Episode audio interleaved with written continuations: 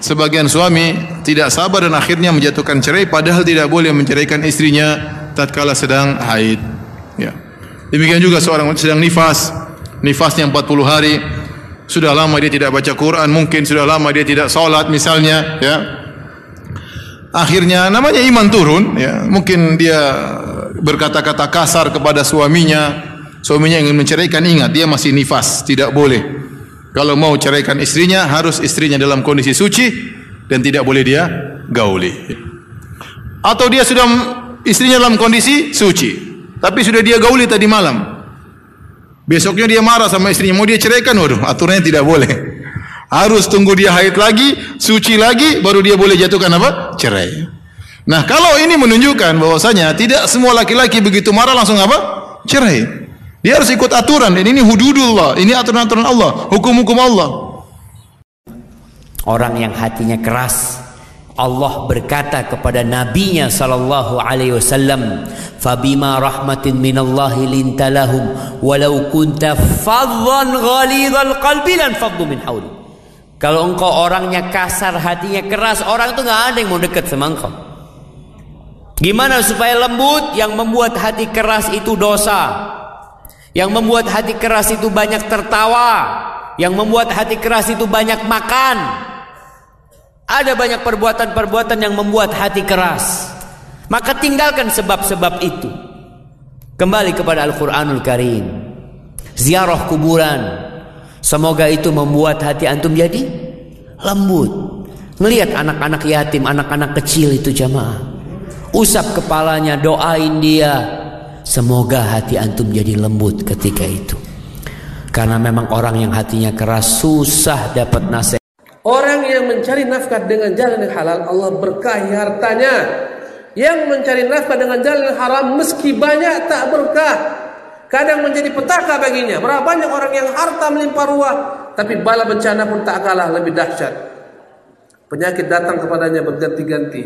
Warganya hancur, berpisah, bercerai, anak-anaknya tak taat, anak-anaknya tak patuh, anaknya korban narkoba, anaknya merongrong orang tuanya, semua dampak daripada tak berkahnya harta. Karena itulah yang ingin keberkahan benar-benar teliti apa yang kita lakukan dalam mencari harta. Jangan sampai masuk ke dalam keluarga kita, rumah kita harta yang haram, Dampak yang luar biasa dari harta haram pertama mendurhakai Allah dan mengikuti langkah syaitan. Membuat kurang semangat dalam beramal soleh. Memakan harta haram itu kebiasaan buruk orang Yahudi. Ya ayyuhan nasu kulu mimma fil ardi halalan tayyiba wa la tattabi'u khutuwati syaitan innahu lakum aduwwun badan yang tumbuh dari harta yang haram akan berhak disentuh api neraka. Doa jadi terhalang untuk dikabulkan. Jika telah marak perzinaan dan riba di suatu negeri, membuat kaum muslimin tidak bisa maju, jadi mundur dan hina. Maka sungguh penduduknya telah menghalalkan dirinya untuk diadab Allah. Terus ditimpa musibah, bencana, gempa di mana-mana. Ini sebenarnya salah kita. Koreksi diri. Barang siapa yang mengajak kepada suatu kesesatan, maka dia akan menanggung dosa seperti dosa-dosa orang yang mengikutinya. Hal itu tidak akan mengurangi dosa-dosa mereka sedikit pun. Potongan awalnya hadisnya adalah siapa yang mengajak pada kebaikan, maka dia akan mendapatkan pahala orang yang melakukan kebaikan dengan mengikuti dia tanpa dikurangi sedikit pun dari pahala orang yang melakukannya. Begitu pula dengan sebaliknya tadi. Saya bilang potongan hadis. Barang siapa yang mengajak pada suatu kesesatan, kemaksiatan, kesalahan, dia tunjukkan. Ya. Kalau pula ada orang tanya di mana alamatnya diskotik ini, jangan jawab. Gak usah jawab. Walaupun kita tahu ada di ujung jalan. Gak usah dijawab. Karena kalau kita jawab, oh saya nggak ke diskotik, tapi itu di sana tuh di pojok sebelah kiri. Lalu dia pergi diskotik tiga jam. Kita dulu di rumah baca buku dapat dosa.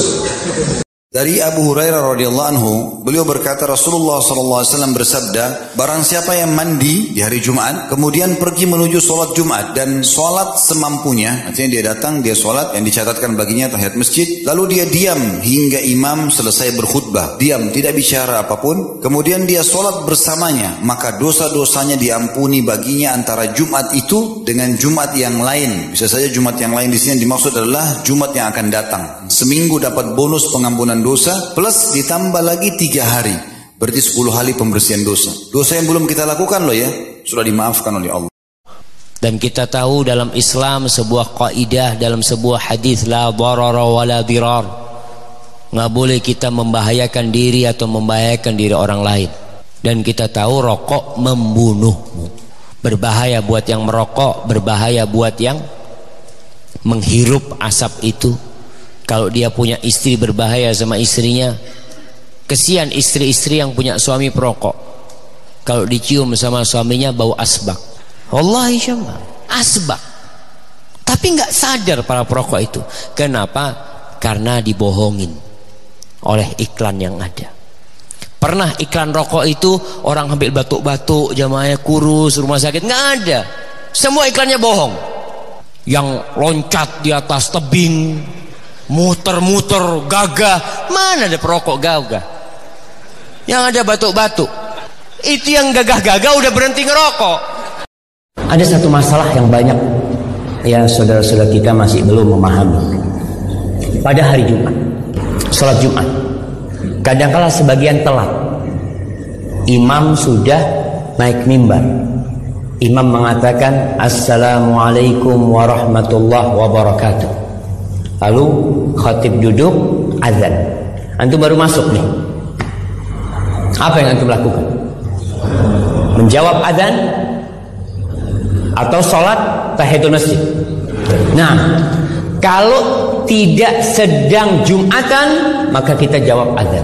Masuk masjid maghrib, azan, jawab azan. Tapi kalau masuk masjid Jumatan, maka kita sholat. Tidak jawab azan. Loh kenapa Ustaz kan ini kemuliaan? Ya kau sudah telat. Dan kau bentar lagi wajib dengarkan khutbah. Kau punya kewajiban mendengarkan khutbah. Bahwa riba adalah pertambahan dari kewajiban hutang. Baik hutang itu dampak dari pinjam meminjam uang atau hutang berjual beli yang tidak tunai ini sama dinamakan juga dengan riba. Dan riba inilah yang dilakukan oleh orang-orang jahiliyah yang ketika Allah mengharamkannya itu telah sedang mereka lakukan. Dengan demikian walillahilham sampai sekarang masih banyak kaum muslimin, para ulama kaum muslimin yang mengerti dan tidak bisa dibohong-bohongi dengan mengelabukan riba tadi sekedar mengganti terminologi atau sekedar mengganti istilah tidak bisa dibohongi. Demo itu bukan kebiasaan kaum muslimin tapi kebiasaan orang-orang kafir. Makanya demo itu termasuk unsur penting di dalam demokrasi. Dan kita semua sudah paham, demokrasi itu bukan ajaran Islam. Salah satu unsur terpenting dalam demokrasi itu adalah membolehkan demonstrasi. Maka itu berasal dari orang-orang kafir, bukan dari ajaran Islam. Dan jemaah sekalian, umumnya mereka paham, nggak boleh bersikap loyal kepada orang kafir. Justru mengikuti ajaran mereka, itulah loyalitas yang terbesar.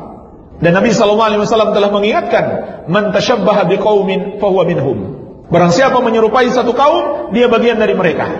Kalau mereka bermaksud berdemo untuk menasehati penguasa, apalagi kalau berdemo untuk menjatuhkan penguasa, untuk sekedar menasehati penguasa saja, itu bukan cara yang benar, menyelisihi petunjuk Nabi Sallallahu Alaihi Wasallam. Ibadahnya si dia sulit diterima. Inna Allah tayyibun la yaqbalu illa tayyib. Allah itu maha baik dan tidak menerima kecuali yang baik. Maka cerita tentang seorang yang berdoa yang rambutnya kusut, dia penuh dengan debu, bajunya lusuh, dia dalam perjalanan kita tahu doanya musafir dikabulkan sama Allah, doanya orang yang yakin dikabulkan akan dikabulkan sama Allah Azza wa Jal, doa orang yang menampakkan kehinaan di hadapan Allah dia angkat tangannya mengatakan ya Rob, ya Rob. Apa kata Nabi SAW? Wa mat'amuhu haram. Dia makan haram wa mashrabuhu haram minum dari yang haram juga.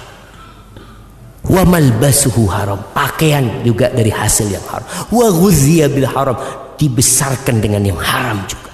Fa anna yustajab gimana mau dikabulkan?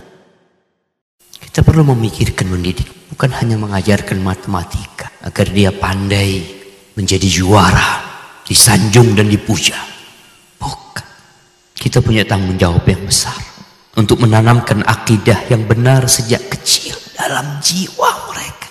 Hati mereka masih kecil, tapi mereka lah yang akan melanjutkan perjuangan kita. Mereka lah akan senantiasa mengatakan Rabbi ufirli wahli walidayya warhamhuma kama rabbayani Mereka lah yang akan melanjutkan perjuangan. Orang tua itu takut melihat perubahan di diri anak. Karena perubahan yang ada pada diri antum itu suka muncul di televisi. Ini aliran teroris. Seperti itu kan stigma yang dibikin. Teroris ini pakai jilbab hitam, pakai cadar, jenggotan, nggak isbal. Akhirnya orang tua terekam ngelihat anaknya, aduh melok aliran opo gitu. ikut aliran apa ini anaknya kau? Itu perasaan seperti itu ada. Maka antum perlu jelaskan sama orang tua. Tunjukkan kalau antum enggak bu ini nabi yang menganjurkan seperti ini. Kalau tanya ikut aliran apa? Nggak ikut aliran apa apa saya Islam seperti ibu lah. Cuma anak udah mulai ngaji bu. Selama ini kan anak Islamnya keturunan. Tapi sekarang anak mulai ngaji. Oh gitu. Kemudian tunjukkan kalau antum anak yang berbakti sama orang tua Hadirin, Allah kasih kita 168 jam per pekan. Masa nggak punya waktu 2 jam untuk belajar agama? Sesibuk itukah kita? 168 jam. 2 jam aja nggak punya waktu. Oh, sibuk banget kita. Nabi aja kalah sibuk sama kita misalnya. Nabi itu Rasul. Umatnya banyak. Lalu kepala negara. Lalu pemegang kunci Baitul Mal, menteri keuangan, Lalu yang berikutnya panglima perang. Kalau bahasa kita panglima TNI. Itu masih sempat belajar dengan malaikat Jibril. Kita presiden bukan, menteri bukan, panglima TNI bukan, nggak sempat belajar. Subhanallah. Ini nyari apa sih dalam hidup?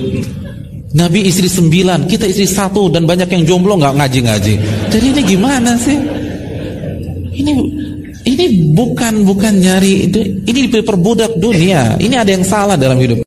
Di mana yatim maknanya adalah anak yang belum balik dan bapaknya meninggal dunia.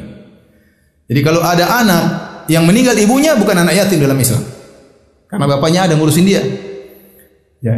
Kalau kita salah satu ibunya salah satu orang tuanya meninggal disebut yatim, dua-duanya meninggal yatim piatu.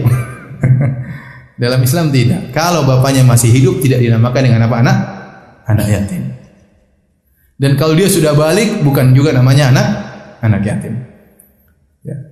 Tetapi biasanya anak yatim kalau sudah balik meskipun namanya bukan anak yatim tetap aja dia miskin karena tidak ada yang memperhatikan. Maka dia berpindah dari yatim berhak menerima zakat sebagai anak yatim tatkala balik dia tetap berhak menerima zakat sebagai orang miskin. Karena kalau sudah balik tidak disebut lagi anak yatim.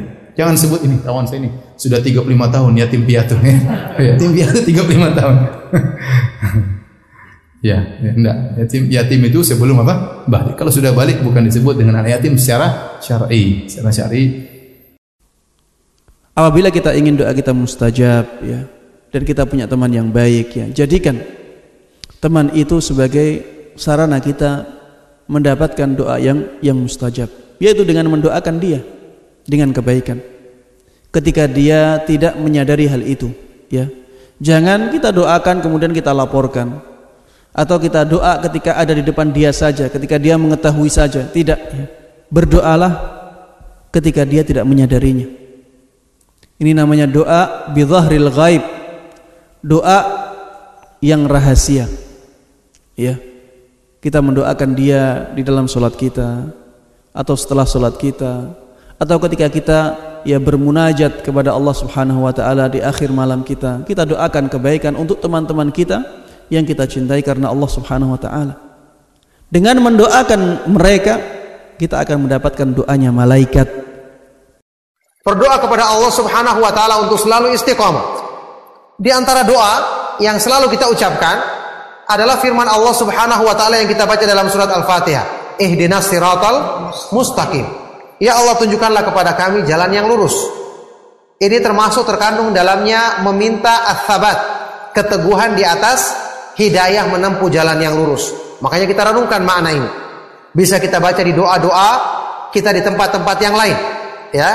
Kemudian doa-doa yang diajarkan oleh Nabi Shallallahu Alaihi Wasallam seperti Ya Muqallibal Qulub Sabit Qalbi ala dinik ya Allah yang maha membolak-balikan hati kuatkanlah hatiku di atas agamamu ini semua doa-doa yang baik kalau kita renungkan isinya maka insya Allah akan menjadi sebab untuk istiqomahnya kita dengan izin Allah subhanahu wa ta'ala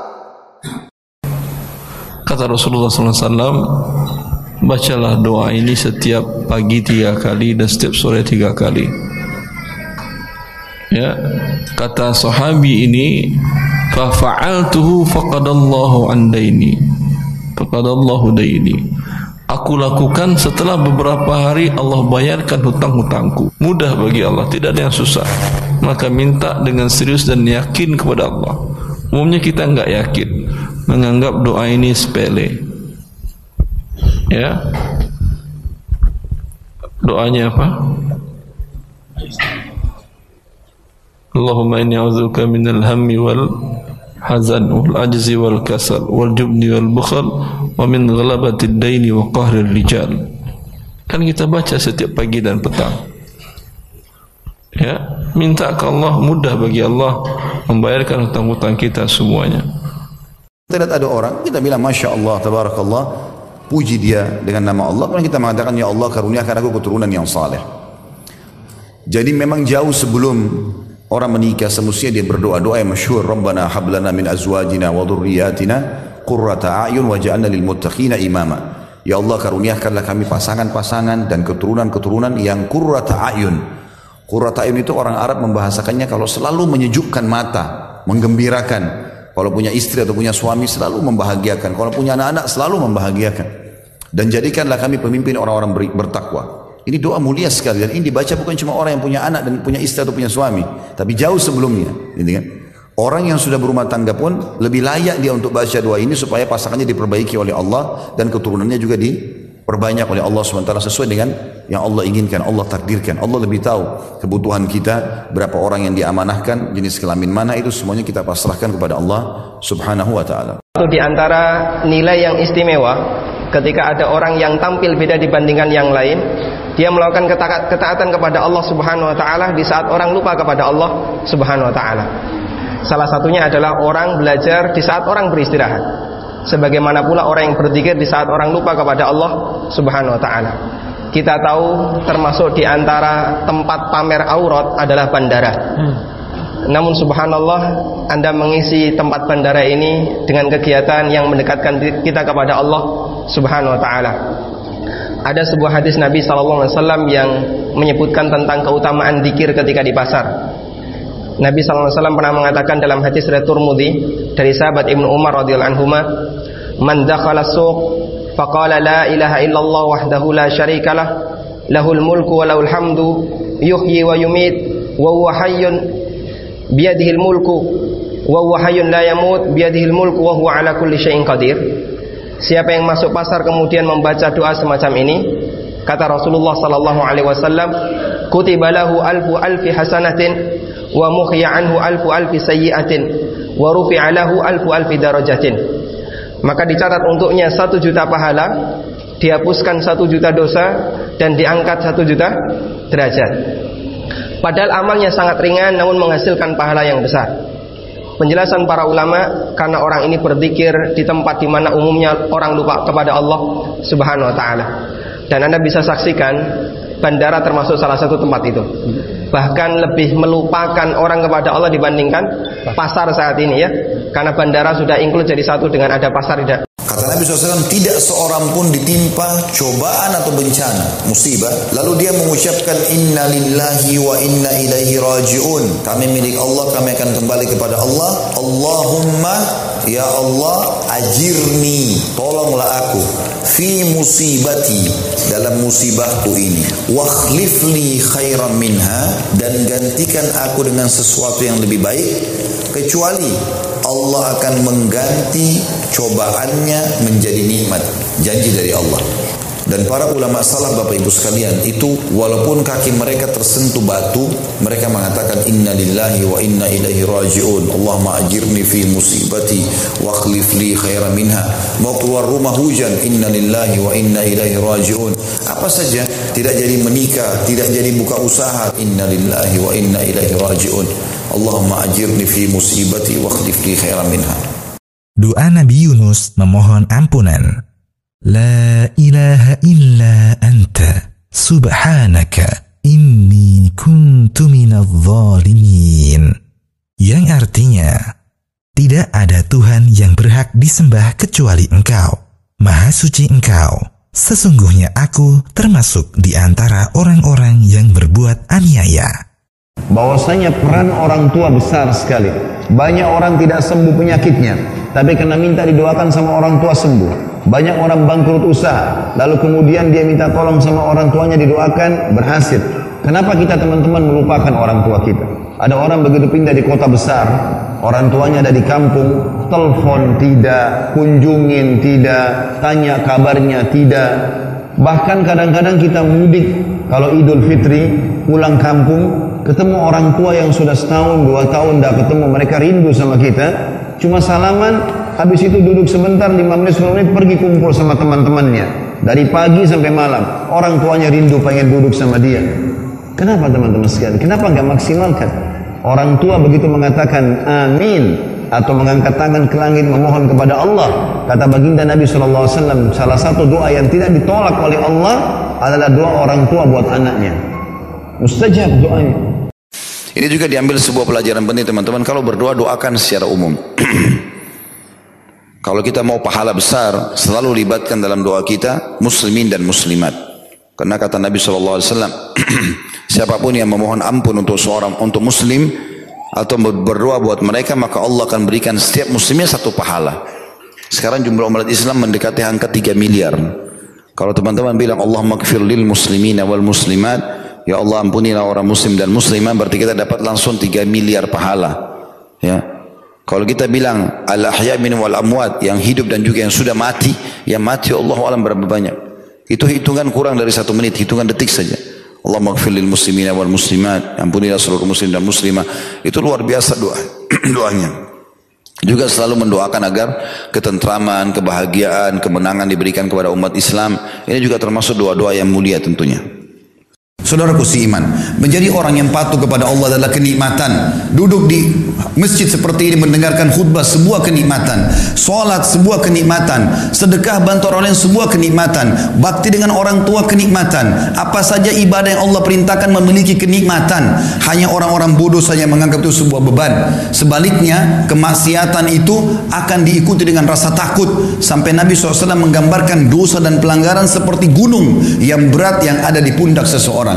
Anda mungkin pernah mengalami masalah-masalah melalui dosa. Setiap melakukan dosa pasti diikuti dengan penyesalan dan berhari-hari bahkan ada orang berminggu-minggu dalam keadaan sumpek, suntuk. Berapa banyak proyek-proyek yang gagal gara-gara itu? Berapa banyak kata-kata kasar keluar dari lisan istrinya gara-gara dosanya? Berapa banyak orang yang diuji anaknya sakit karena dosanya? Berapa banyak masalah-masalah yang Allah datangkan sebagai peringatan agar dia kembali kepada Allah Subhanahu wa taala.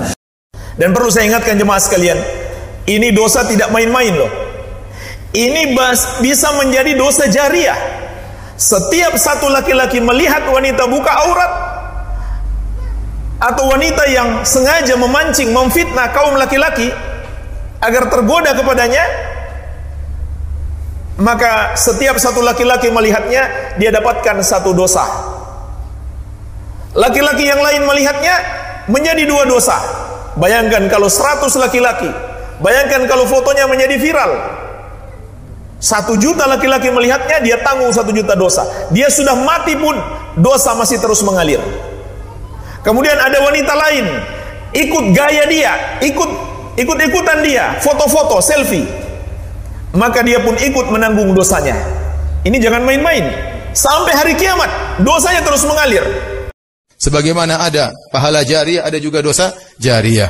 Oleh karenanya Nabi SAW bersabda, "Wa man sanna sunnatan sayyi'atan falahu wizruha wa wizru man amila biha min ba'dihi min ghairi an yanqusu min ujurihim min an yanqusu min ujurihim syai'."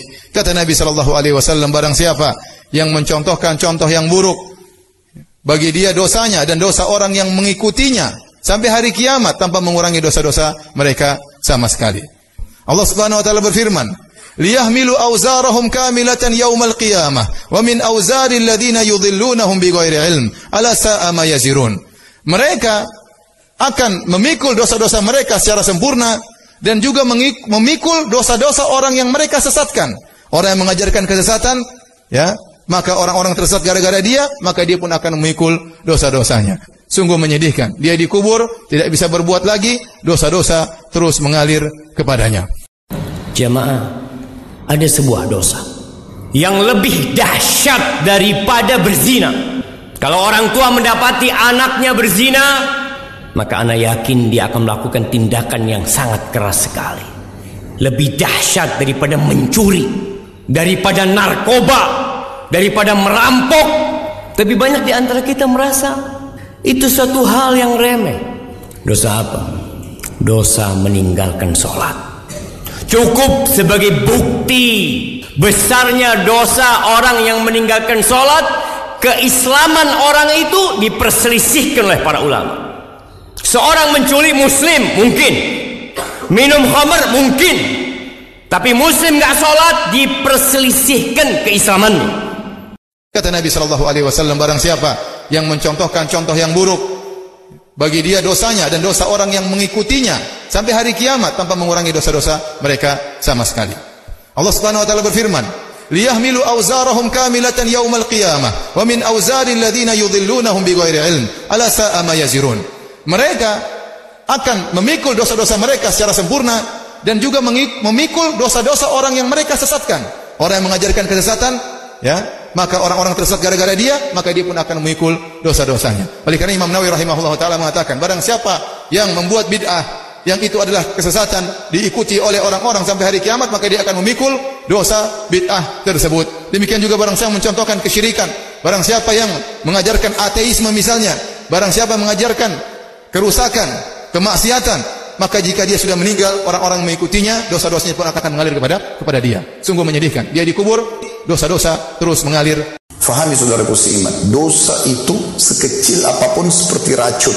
Biar satu tetes, biar segelas susu kita, atau kita punya satu jergen susu, setetes racun sudah cukup merusak semua itu. Merusak kehidupan, membuat sumpah, hukuman Allah akan datang. Kesedihan, gangguan dalam rumah tangga, apa saja kegagalan dalam usaha, itu karena dosa, nggak ada yang lain. Resep sederhana teman-teman, tidak usah kiri kanan bertanya, tinggal kembali kepada Allah. Kata ulama, jaga hubunganmu sama Allah, Allah akan buat dunia dan makhluk ini tunduk padamu. Rusak hubunganmu sama Tuhanmu Allah, rusak semua hubunganmu dengan makhluk ini. Jamaah, riba ini lebih dahsyat dari berzina sama ibunya sendiri. Anak yakinlah orang kalau dikatakan ini zina, naudzubillah, dia akan berkata naudzubillah.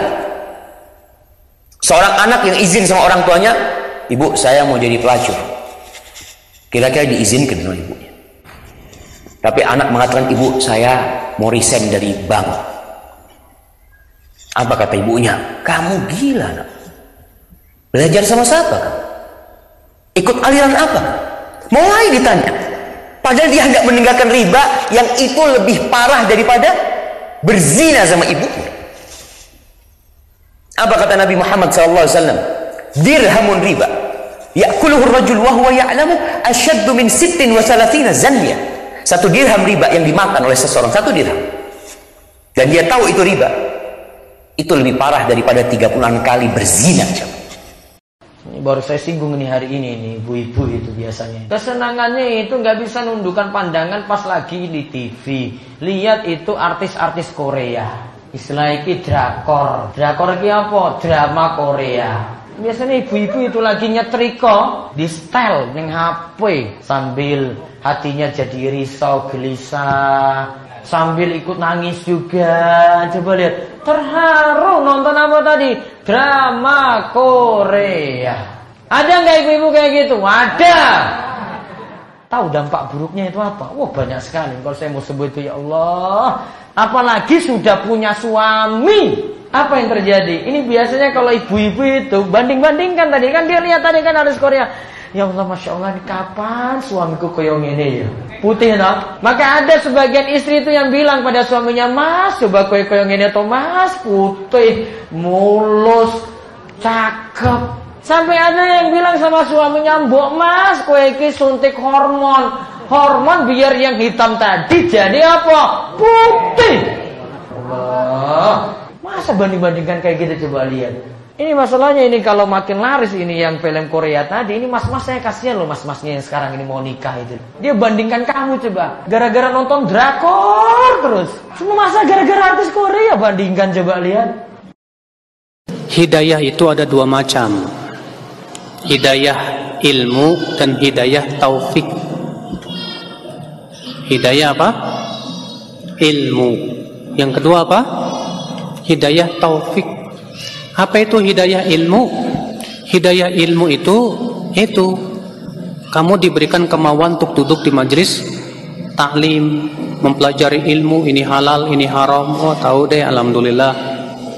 Yang kedua hidayah taufik. Apa itu hidayah taufik? Yaitu kamu diberikan kekuatan oleh Allah untuk mengamalkan ilmu. Jadi hakikat hidayah taufik itu apa? Kekuatan keinginan untuk berbuat ketaatan. Ketika kamu diberikan kekuatan keinginan untuk berbuat ketaatan itu berarti kamu diberikan hidayah oleh Allah. Tapi hidayah apa? Taufik. An Abi Musa radhiyallahu taala anhu anna Rasulullah sallallahu alaihi dari Abu Musa al-Asy'ari radhiyallahu anhu bahwasanya Rasulullah SAW bersabda, "Man shallal bardaini dakhalal jannah." Barang siapa yang salat al-bardain al-bard bahasa Arab artinya dingin. Al-bardain artinya salat dua dingin, maka dia masuk surga. Barang siapa yang salat dua solat yang dingin maka dia masuk surga. Apa maksudnya? Al-bardani as-subhu wal asru. Al-bardan dua solat yang dingin maksudnya solat subuh dan solat asar. Disebut dengan dingin kenapa? Karena tadinya orang di puncak-puncaknya panas, tatkala asar mulailah dingin. Ya. Banyak orang yang lewat solat asar, pulang kerja ngantuk, tidur kadang ya. Maka di saat dingin tersebut dia jangan sampai tinggalkan salat asar. Demikian juga subuh. Subuh saatnya dingin ya di puncak-puncak penghujung malam ya waktu subuh waktu yang dingin ya maka jangan ditinggalkan salat tersebut dingin tersebut membuat dia nyenyak untuk apa tidur ya puncak kebahagiaan seorang muslim adalah imannya tentang adanya akhirat tanamkan baik-baik dalam hati itu kalau kita punya kehidupan akhirat bukan di sini dunia ini cuma lewat Terlalu banyak orang sebelum kita Bapak Ibu sekalian yang lebih cantik, yang lebih gagah, yang lebih kaya, yang lebih segala-galanya. Tapi kalau kita lewat di kuburan yang merupakan batu nisan dan tanah yang kalau kita lihat yang masih hidup ini, di dalamnya ada orang-orang itu. Mereka banyak sekali yang lebih dari kita, tapi mereka juga sudah meninggal dunia. Dunia ini sehebat apa pun kita mengejar prestasinya akan kita tinggalkan. Nanti kalau kita meninggal, semua cuma jadi kenangan. Dan itu di hari-hari pertama saja. Oh ini bajunya dia, oh ini sepatu dia, oh ini rumah dia, oh ini mobil dia, oh ini perusahaan dia. Sehari, seminggu, sebulan, selesai. Semua akan ditutup. Orang akan lupakan. Dikenang sesekali, setahun sekali. Ya, ada orang subhanallah tidak dikenang lagi oleh kerabatnya. Apalagi kalau orang-orang yang jauh dari agama. Mereka sudah tidak mendoakan lagi si mayit. Ahibati. Ketika Rasul sallallahu alaihi wasallam lewat pasar Suk Awali di kota Madinah, beliau melihat ada bangkai anak kambing yang cacat. Orang lagi ribut, yang mengatakan harga sekian, ada yang nawar, ada yang membeli. Rasulullah sallallahu alaihi wasallam pegang tuh kupingnya kambing. Ayyukum yuhibbu an yakuna hadalahu bidirhamin. Siapa yang mau beli kambing ini satu dirham? Kata para sahabat, buat apa? Siapa yang ingin ini jadi miliknya gratis? Kata para sahabat, Ya Rasulullah, in kana hayyan, kana asad. Kalau dia hidup, dia cacat. Gimana dia sudah bangkai? Siapa yang mau? Apa kata Rasul sallallahu alaihi wasallam? La dunya ahwanu 'ala Allah min hadha alaikum. Kalian tahu dunia dan isinya ini itu lebih hina di sisi Allah daripada kambing ini buat kalian. Banyak orang ribut sama mertuanya, ribut sama iparnya karena dia tidak siap. Dia cuma mau pasangan hidupnya saja, eksklusif. Iparnya datang gak dibukain pintu. Suaminya mau bakti sama ibunya, cemberut. Dosa dia. Gimana caranya? Hukum-hukum syar'i tidak bisa diubah, ini bukan hukum rimba. Hukum Allah pencipta langit dan bumi, laki-laki tetap wajib bakti sama orang tuanya sampai dia mati, dianya mati. Kalau orang tuanya mati atau hidup tetap wajib dia bakti. Tidak boleh istri menjadi penghalang suaminya untuk ketemu ibunya bakti ngantarin makanan ziarah kuburnya kalau mati. Nggak boleh, haram. Dia harus dukung. Banyak istri bangkang dalam poin ini sampai seorang anak berani bangkang dengan orang tuanya. Bahkan saya tahu ada kejadian di Jakarta karena istrinya nggak suka. Tadinya dia belikan rumah ibunya di sebelah rumahnya dipindahin ibunya. Durhaka sama orang tua. Sampai ulama mengatakan kalau ada seorang anak laki-laki menikah, kemudian dia biarkan ibunya duduk di belakang, istrinya di depan, dia durhaka itu. Ak itu namanya, durhaka. Kecuali ibunya yang minta. Tidak boleh. Dan ini wanita harus faham nih. Nggak bisa. Kalau wanita seperti ini diceraikan halal dalam agama Islam. Dia menjadi penyebab si anak putus dengan orang tuanya halal diceraikan. Nggak boleh. Lain kalau perempuan yang memang menikah suaminya nomor satu. Sama anda juga sebagai laki-laki. Tahu perempuan ini pada saat menikah dia punya orang tua, dia punya anak, dia punya saudara, kita punya ipar, harus bisa datang ke rumah, bertemu. Ustaz mertua saya cerewet, nggak apa-apa. Cobaan, enaknya hidup nggak mau ada cobaan, gimana caranya? Harus ada cobaannya. Ada orang dicoba di pasangan hidupnya, di mertuanya, di iparnya, di anaknya, di tetangganya, banyak. Harus ada cobaan. Kalau nggak ada cobaan hidup kita datar terus, nggak ada seninya kehidupan ini. Nggak ada seninya dan manusia nanti tidak tidak akan keluar potensi seseorang akan keluar kalau cobaan ada. Kita akan muncul ide-ide untuk mencari jalan keluar pada saat kapan? Cobaan ada. Bayangkan kalau hidup kita datar terus nggak ada cobaannya. Nggak bakal keluar potensi kita. Allah subhanahu wa datangkan cobaan itu untuk mengorek, mengeluarkan potensi yang ada. Hadapin, pecahkan. Pahala sabar didapatkan kapan? Pada saat cobaan datang. Kalau cobaan tidak ada, gimana bisa? Nggak mungkin. Istri kita hidup 20 tahun di rumah tangganya sama orang tuanya dengan pola tertentu, cara makan, cara tidur, cara berpakaian. Kita pun hidup 30 tahun di ayah dan orang tua kita dengan cara makan, cara hidup dan seterusnya. Lalu kemudian disatukan, tiba-tiba mau bisa baik semuanya? Nggak bisa. Pasti ada penyesuaian. Asas yang penting dalam rumah tangga adalah yang benar memaafkan, yang salah meminta maaf. Selesai. Dan jangan nginapkan masalah. Banyak orang laki-laki lemah, begitu istrinya marah sama dia, gara-gara dia pergi ke ibunya, langsung dia, ya sudah saya nggak usah ke ibu deh kalau begitu. Daripada saya ribut sama istri saya, subhanallah. Dudukkan istri anda, kamu tahu nggak hukum agama saya wajib bakti dengan ibu saya? Durhaka saya kalau nggak ke sana. Kamu pun berdosa kalau kamu lakukan ini. Memang harus begitu. Kalau perlu seorang istri sokong, kamu ke ibumu, ayo saya temenin. Kapan ke ibu, kapan ke ayah. Berikan sokongan. Pajak itu suatu yang zolim. Karena tidak memperhatikan di sini harta-harta yang berharga yang seharusnya belum bisa ditarik namun ditarik. Maka jangan pernah punya cita-cita ini yang muda-muda ini SMP atau SMA saya mau sekolah di sekolah perguruan tinggi pajak. saya nggak mau sebut, nggak perlu sebut merek di sini. Estetik Paham? Kalau cita-citamu seperti itu, kamu punya cita-cita pingin jadi orang zolim. Iya toh? Iya wah itu.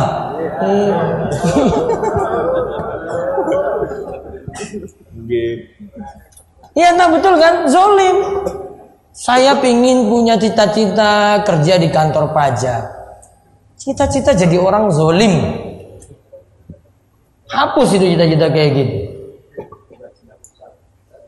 Hmm, gajinya besar, ya dah. Kan nggak butuh gaji besar. Sementing iso urip. Bisa hidup berkah. Halal.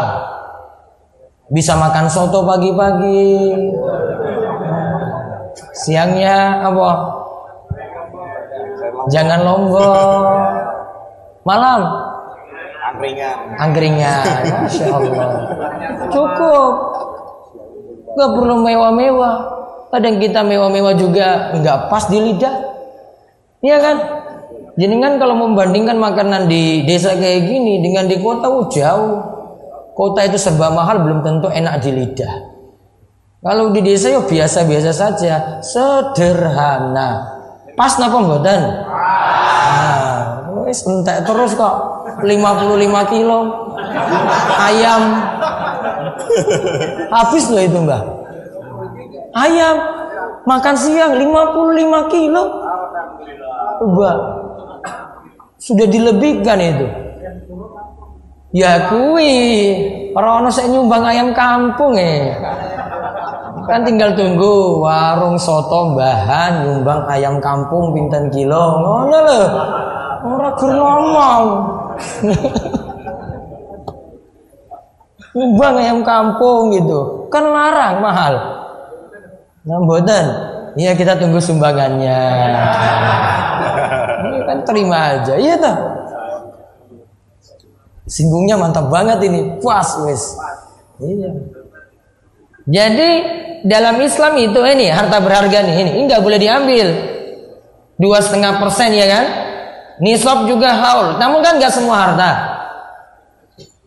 Contoh misalnya tidak ada penarikan zakat dari rumah yang kita pakai. Kita cuma tinggal di rumah itu, ada zakat nggak? Nggak, nggak perlu dihitung. Motor punya, mobil punya, perlu nggak ditarik zakat? Tidak. Kalau pajak, tarik nggak? Mau tarik. Mau ada terus. Beda kalau dalam Islam itu harta tertentu yang berharga, yang bukan harta yang harus dizakati, nggak perlu zakati. Iya kan? Punya perabotan rumah gitu, dia punya apa? Oh itu enggak, kamu punya cuma pakai kan? Cuma pakai. Baik, nggak ada zakat. Wah kalau dalam perpajakan, wah kena kapue. Hitung, nggak masukkan itu, dikejar lagi. Pak, masa jenengan punya motor cuma ini saja? Coba dilihat lagi. Kayak nggak percaya gitu. Iya kan? Zolim nggak berarti? Zolim. Mana? Mau cita-cita kayak gitu?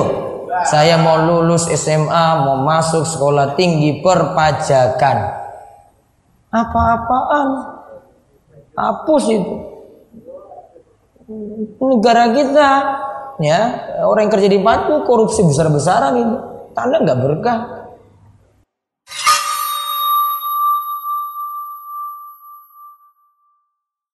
Kemudian perlu ada family time. Orang tua itu tiap hari harus ada waktu keluarga. Bagaimana waktu keluarga? Ya sudah makan umpamanya tiap hari bersama. Ini usahakan orang tua. Makan bersama, tidak ada handphone di meja makan. Taruh di mana? Bunyi panggilan kata kena, nggak usah nak. Anak kadang-kadang ngomong sama anak itu. Ketika ada yang telepon, anda ngomong nggak usah, nggak usah diangkat, biarin. Siapa yang telepon biarin. Kadang kala anak-anak itu karena bunyi langsung diangkat sama dia. Aduh, ini gangguin bapaknya yang telepon. Ini waktu keluarga. Dan usahakan orang tua kalau bisa matikan handphonenya sampai rumah. Di waktu yang memang untuk keluarga matikan. Ngapain terus sama keluarga? Tadi makan bersama, ngobrol sama anaknya. Rasulullah SAW bersabda, "Ma taraktu ba'di fitnatan adar 'ala rijali minan nisa." Saya tidak meninggalkan fitnah setelah saya meninggal nanti yang lebih buruk daripada fitnah kaum perempuan. Fattaqud dunya wattaqun nisa. Untuk itu hati-hatilah kalian terhadap urusan dunia dan hati-hatilah kalian terhadap urusan perempuan. Fa inna awwala fitnati bani Israel kanat fin nisa. Fitnah yang menimpa azab yang menimpa orang-orang Israel itu dulu pertama kali sebabnya adalah kaum wanita. Jadi hendaklah seorang suami, seorang istri itu tetap komitmen istiqamah di atas Quran dan sunnah. Dan subhanallah fitrah tauhid ini mengetahui Allah itu esa dan Allah itu di langit itu fitrah. Saya pernah itu bilang kalau bapak ibu punya anak kecil, baru dua hari lalu kemarin subhanallah saya juga praktikin kepada anak saya yang baru dua tahun, ngomong pun belum bisa. Saya duduk sama istri, kemudian anak-anak lagi main di depan saya, kemudian datang yang paling kecil. Kemudian saya pangku anak itu. Sambil ngobrol bercanda-bercanda, dia belum bisa ngomong, saya baru ajar kata-kata. Terus tiba-tiba tidak di benak saya. Saya bilang istri saya coba dengar ya, kita tanya. Di mana Allah nak? Ngomong aja belum bisa. Subhanallah alami tangannya begini. Tunjuk ke langit. Dan hampir semua anak saya saya coba praktikin itu. Semuanya di mana Allah tunjuk ke langit. Padahal dia belum faham. Fitrahnya ada. Mengenal Tuhannya itu ada. Ini pernah diajarkan oleh dosen kami di Madinah. Dia bilang semua anak-anak yang belum rusak fitrahnya, kalau ditanya dia akan tunjuk ke langit. Padahal dia tidak faham itu. Mungkin secara zahir dia tidak faham, tapi ternyata seperti itulah secara alami orang tahu Tuhannya, Allah SWT dan Allah itu ada di atas langit sana. Dan ini juga salah satu sunnah Nabi SAW ya. Kalau kita sedang melakukan kesalahan kepada Allah Subhanahu Wa Taala, selain kita beristighfar dan bertaubat, usahakan tebus itu, ditebus.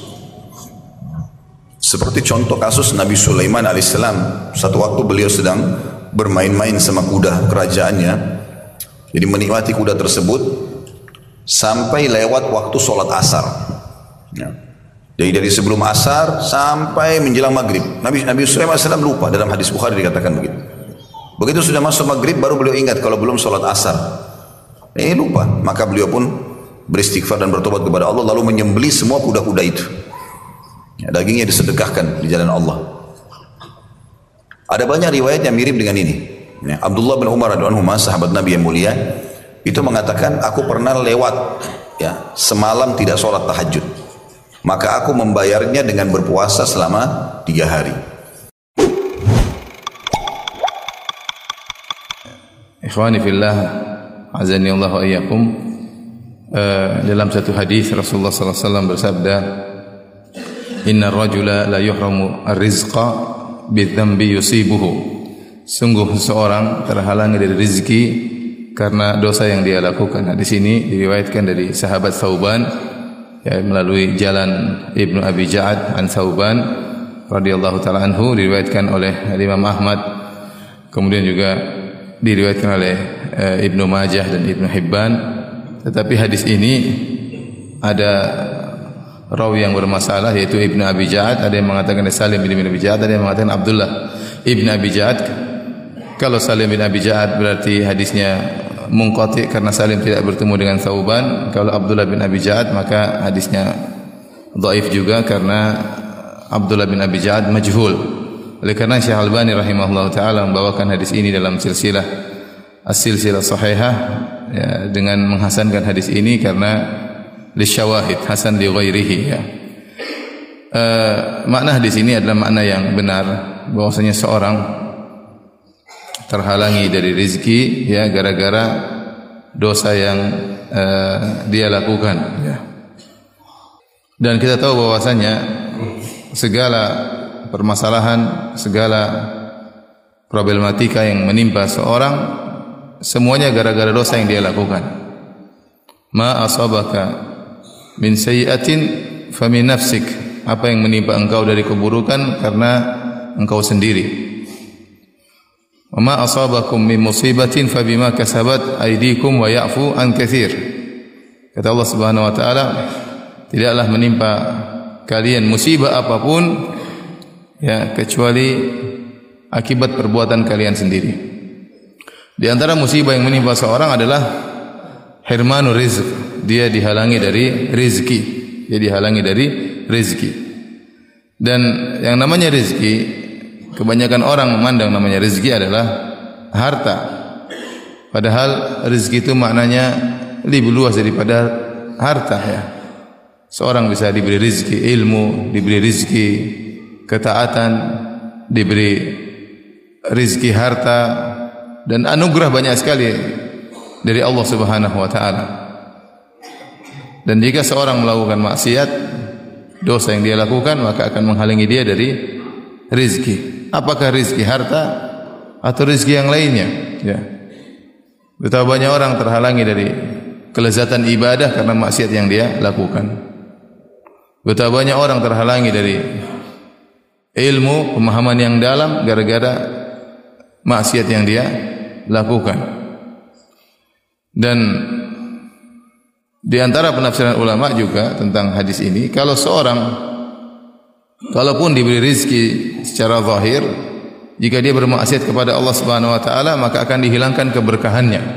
Dihilangkan keberkahannya. Rizki tetap berjalan bagi dia, tetapi keberkahannya hilang. Ya. Berapa banyak orang yang Islamophobia dan mereka lebih suka Islam liberal. Tuh orang-orang liberal kalau dikasih penjelasan seperti ini seperti itu, apa kata mereka? Kita ingin ingin mengadakan perbaikan, ingin memberikan pencerahan. Bagaimana di antara mereka mengatakan, kenapa sih haji itu kok cuma setahun sekali? Padahal Allah menyebutkan dalam Al-Quran. Masya Allah, pakai dalil mereka cuma. Al-hajju ashurun maklumat. Haji itu dalam bulan-bulan yang udah diketahui. Kenapa kita jadikan tanggal 9 itu wukuf di Arafah? Kita bisa haji di bulan Syawal. Kita bisa haji di bulan Dhul Qa'dah dan bulan Dhul Hijjah. Dan ini untuk mengurangi antrian yang panjang. Masya Allah. Kan kau lihat, oh masuk akal juga. Jadi dalilnya ada, dalilnya mereka jangan. Ini syubuhat, penyakit, tapi nggak ngerasa kalau dia sakit. Kalau yang model pertama kerasa dia sakit, nampak di wajahnya. Kalau dia sakit, yang ini nggak terasa. Bagaimana sekarang ada umat Islam yang mendukung LGBT? Dia dukung. Bahkan seorang profesor, doktor ilmu tafsir. Bagaimana dia mengatakan bahwasanya Homoseksual itu sudah takdir ilahi. Orang itu nggak suka sama perempuan, mau diapain? Mau dipaksa. Terus gimana dengan ayat tentang Nabi Lut? Oh iya, Nabi Lut itu kenapa diadab? Karena mereka memaksa. Kalau suka sama suka nggak apa-apa. Ini syubhat. Dan dia tidak merasa, ini profesor Tidak merasa sakit dia maka berapa banyak orang yang terkena penyakit-penyakit hati yang sangat bahaya tapi nggak merasa karena memang nggak sakit.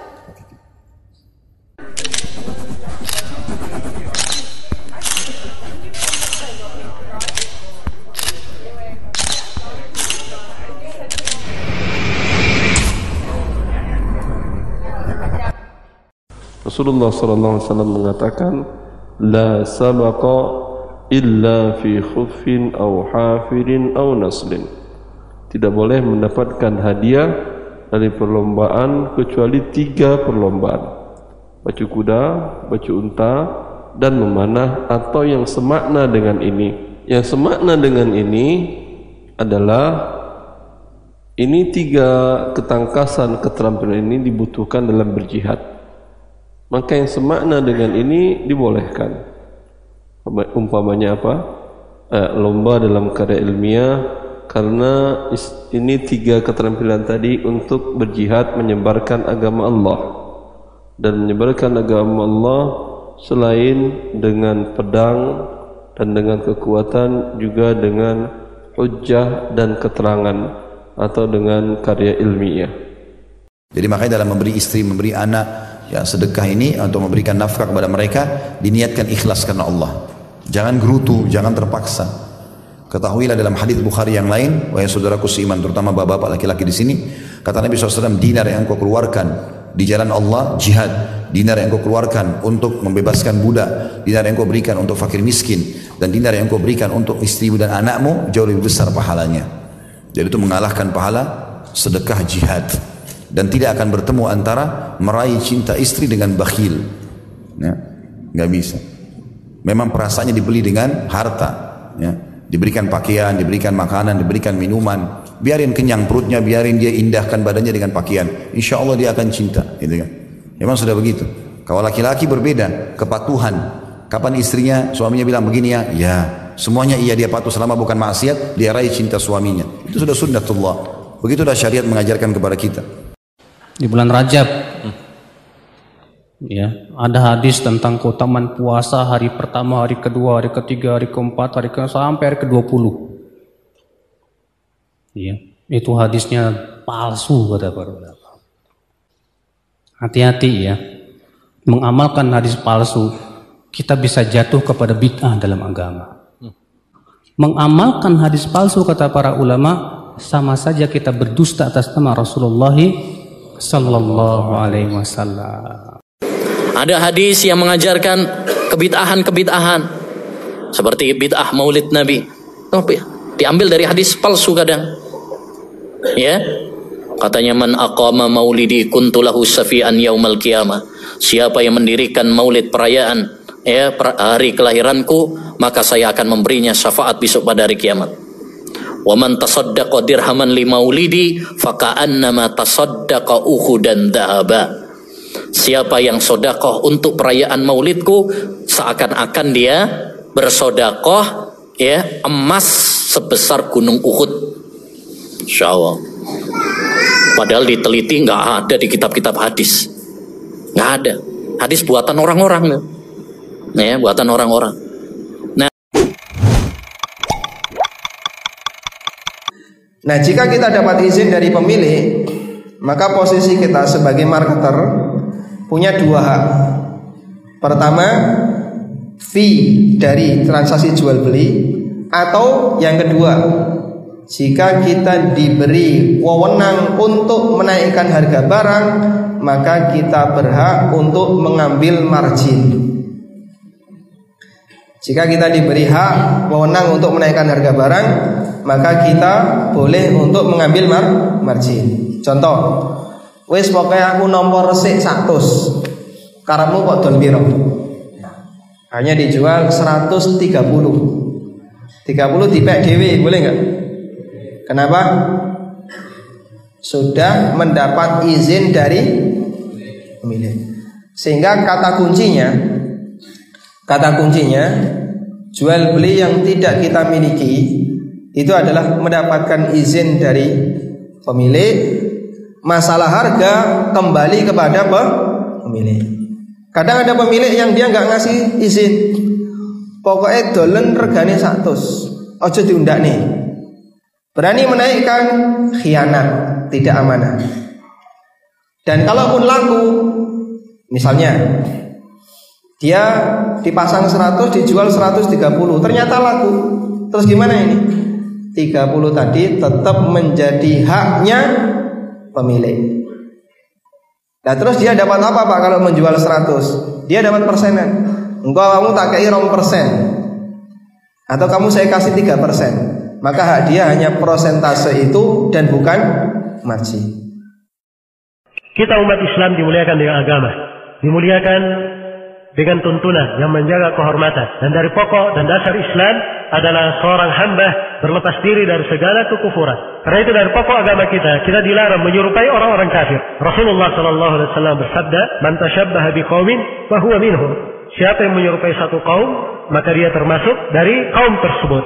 Dan banyak ayat-ayat Al-Quran yang menegaskan mana ini tentang tidak bolehnya seorang menyerupai orang-orang kafir dalam bentuk apa pun. Karena itu tidak dibenarkan seorang muslim maupun muslimah ikut di dalam perayaan ini, apalagi ikut dengan kebiasaan jahiliyah di dalamnya dari kemungkaran-kemungkaran akhlak, dari kemaksiatan-kemaksiatan setelah mengetahui hakikat di belakang hari Valentine ini. Semoga Allah Subhanahu wa taala menjaga kita semua dari segala kejelekan dan semoga Allah Subhanahu wa taala memberikan kepada kita petunjuk menuju pada jalan yang lurus.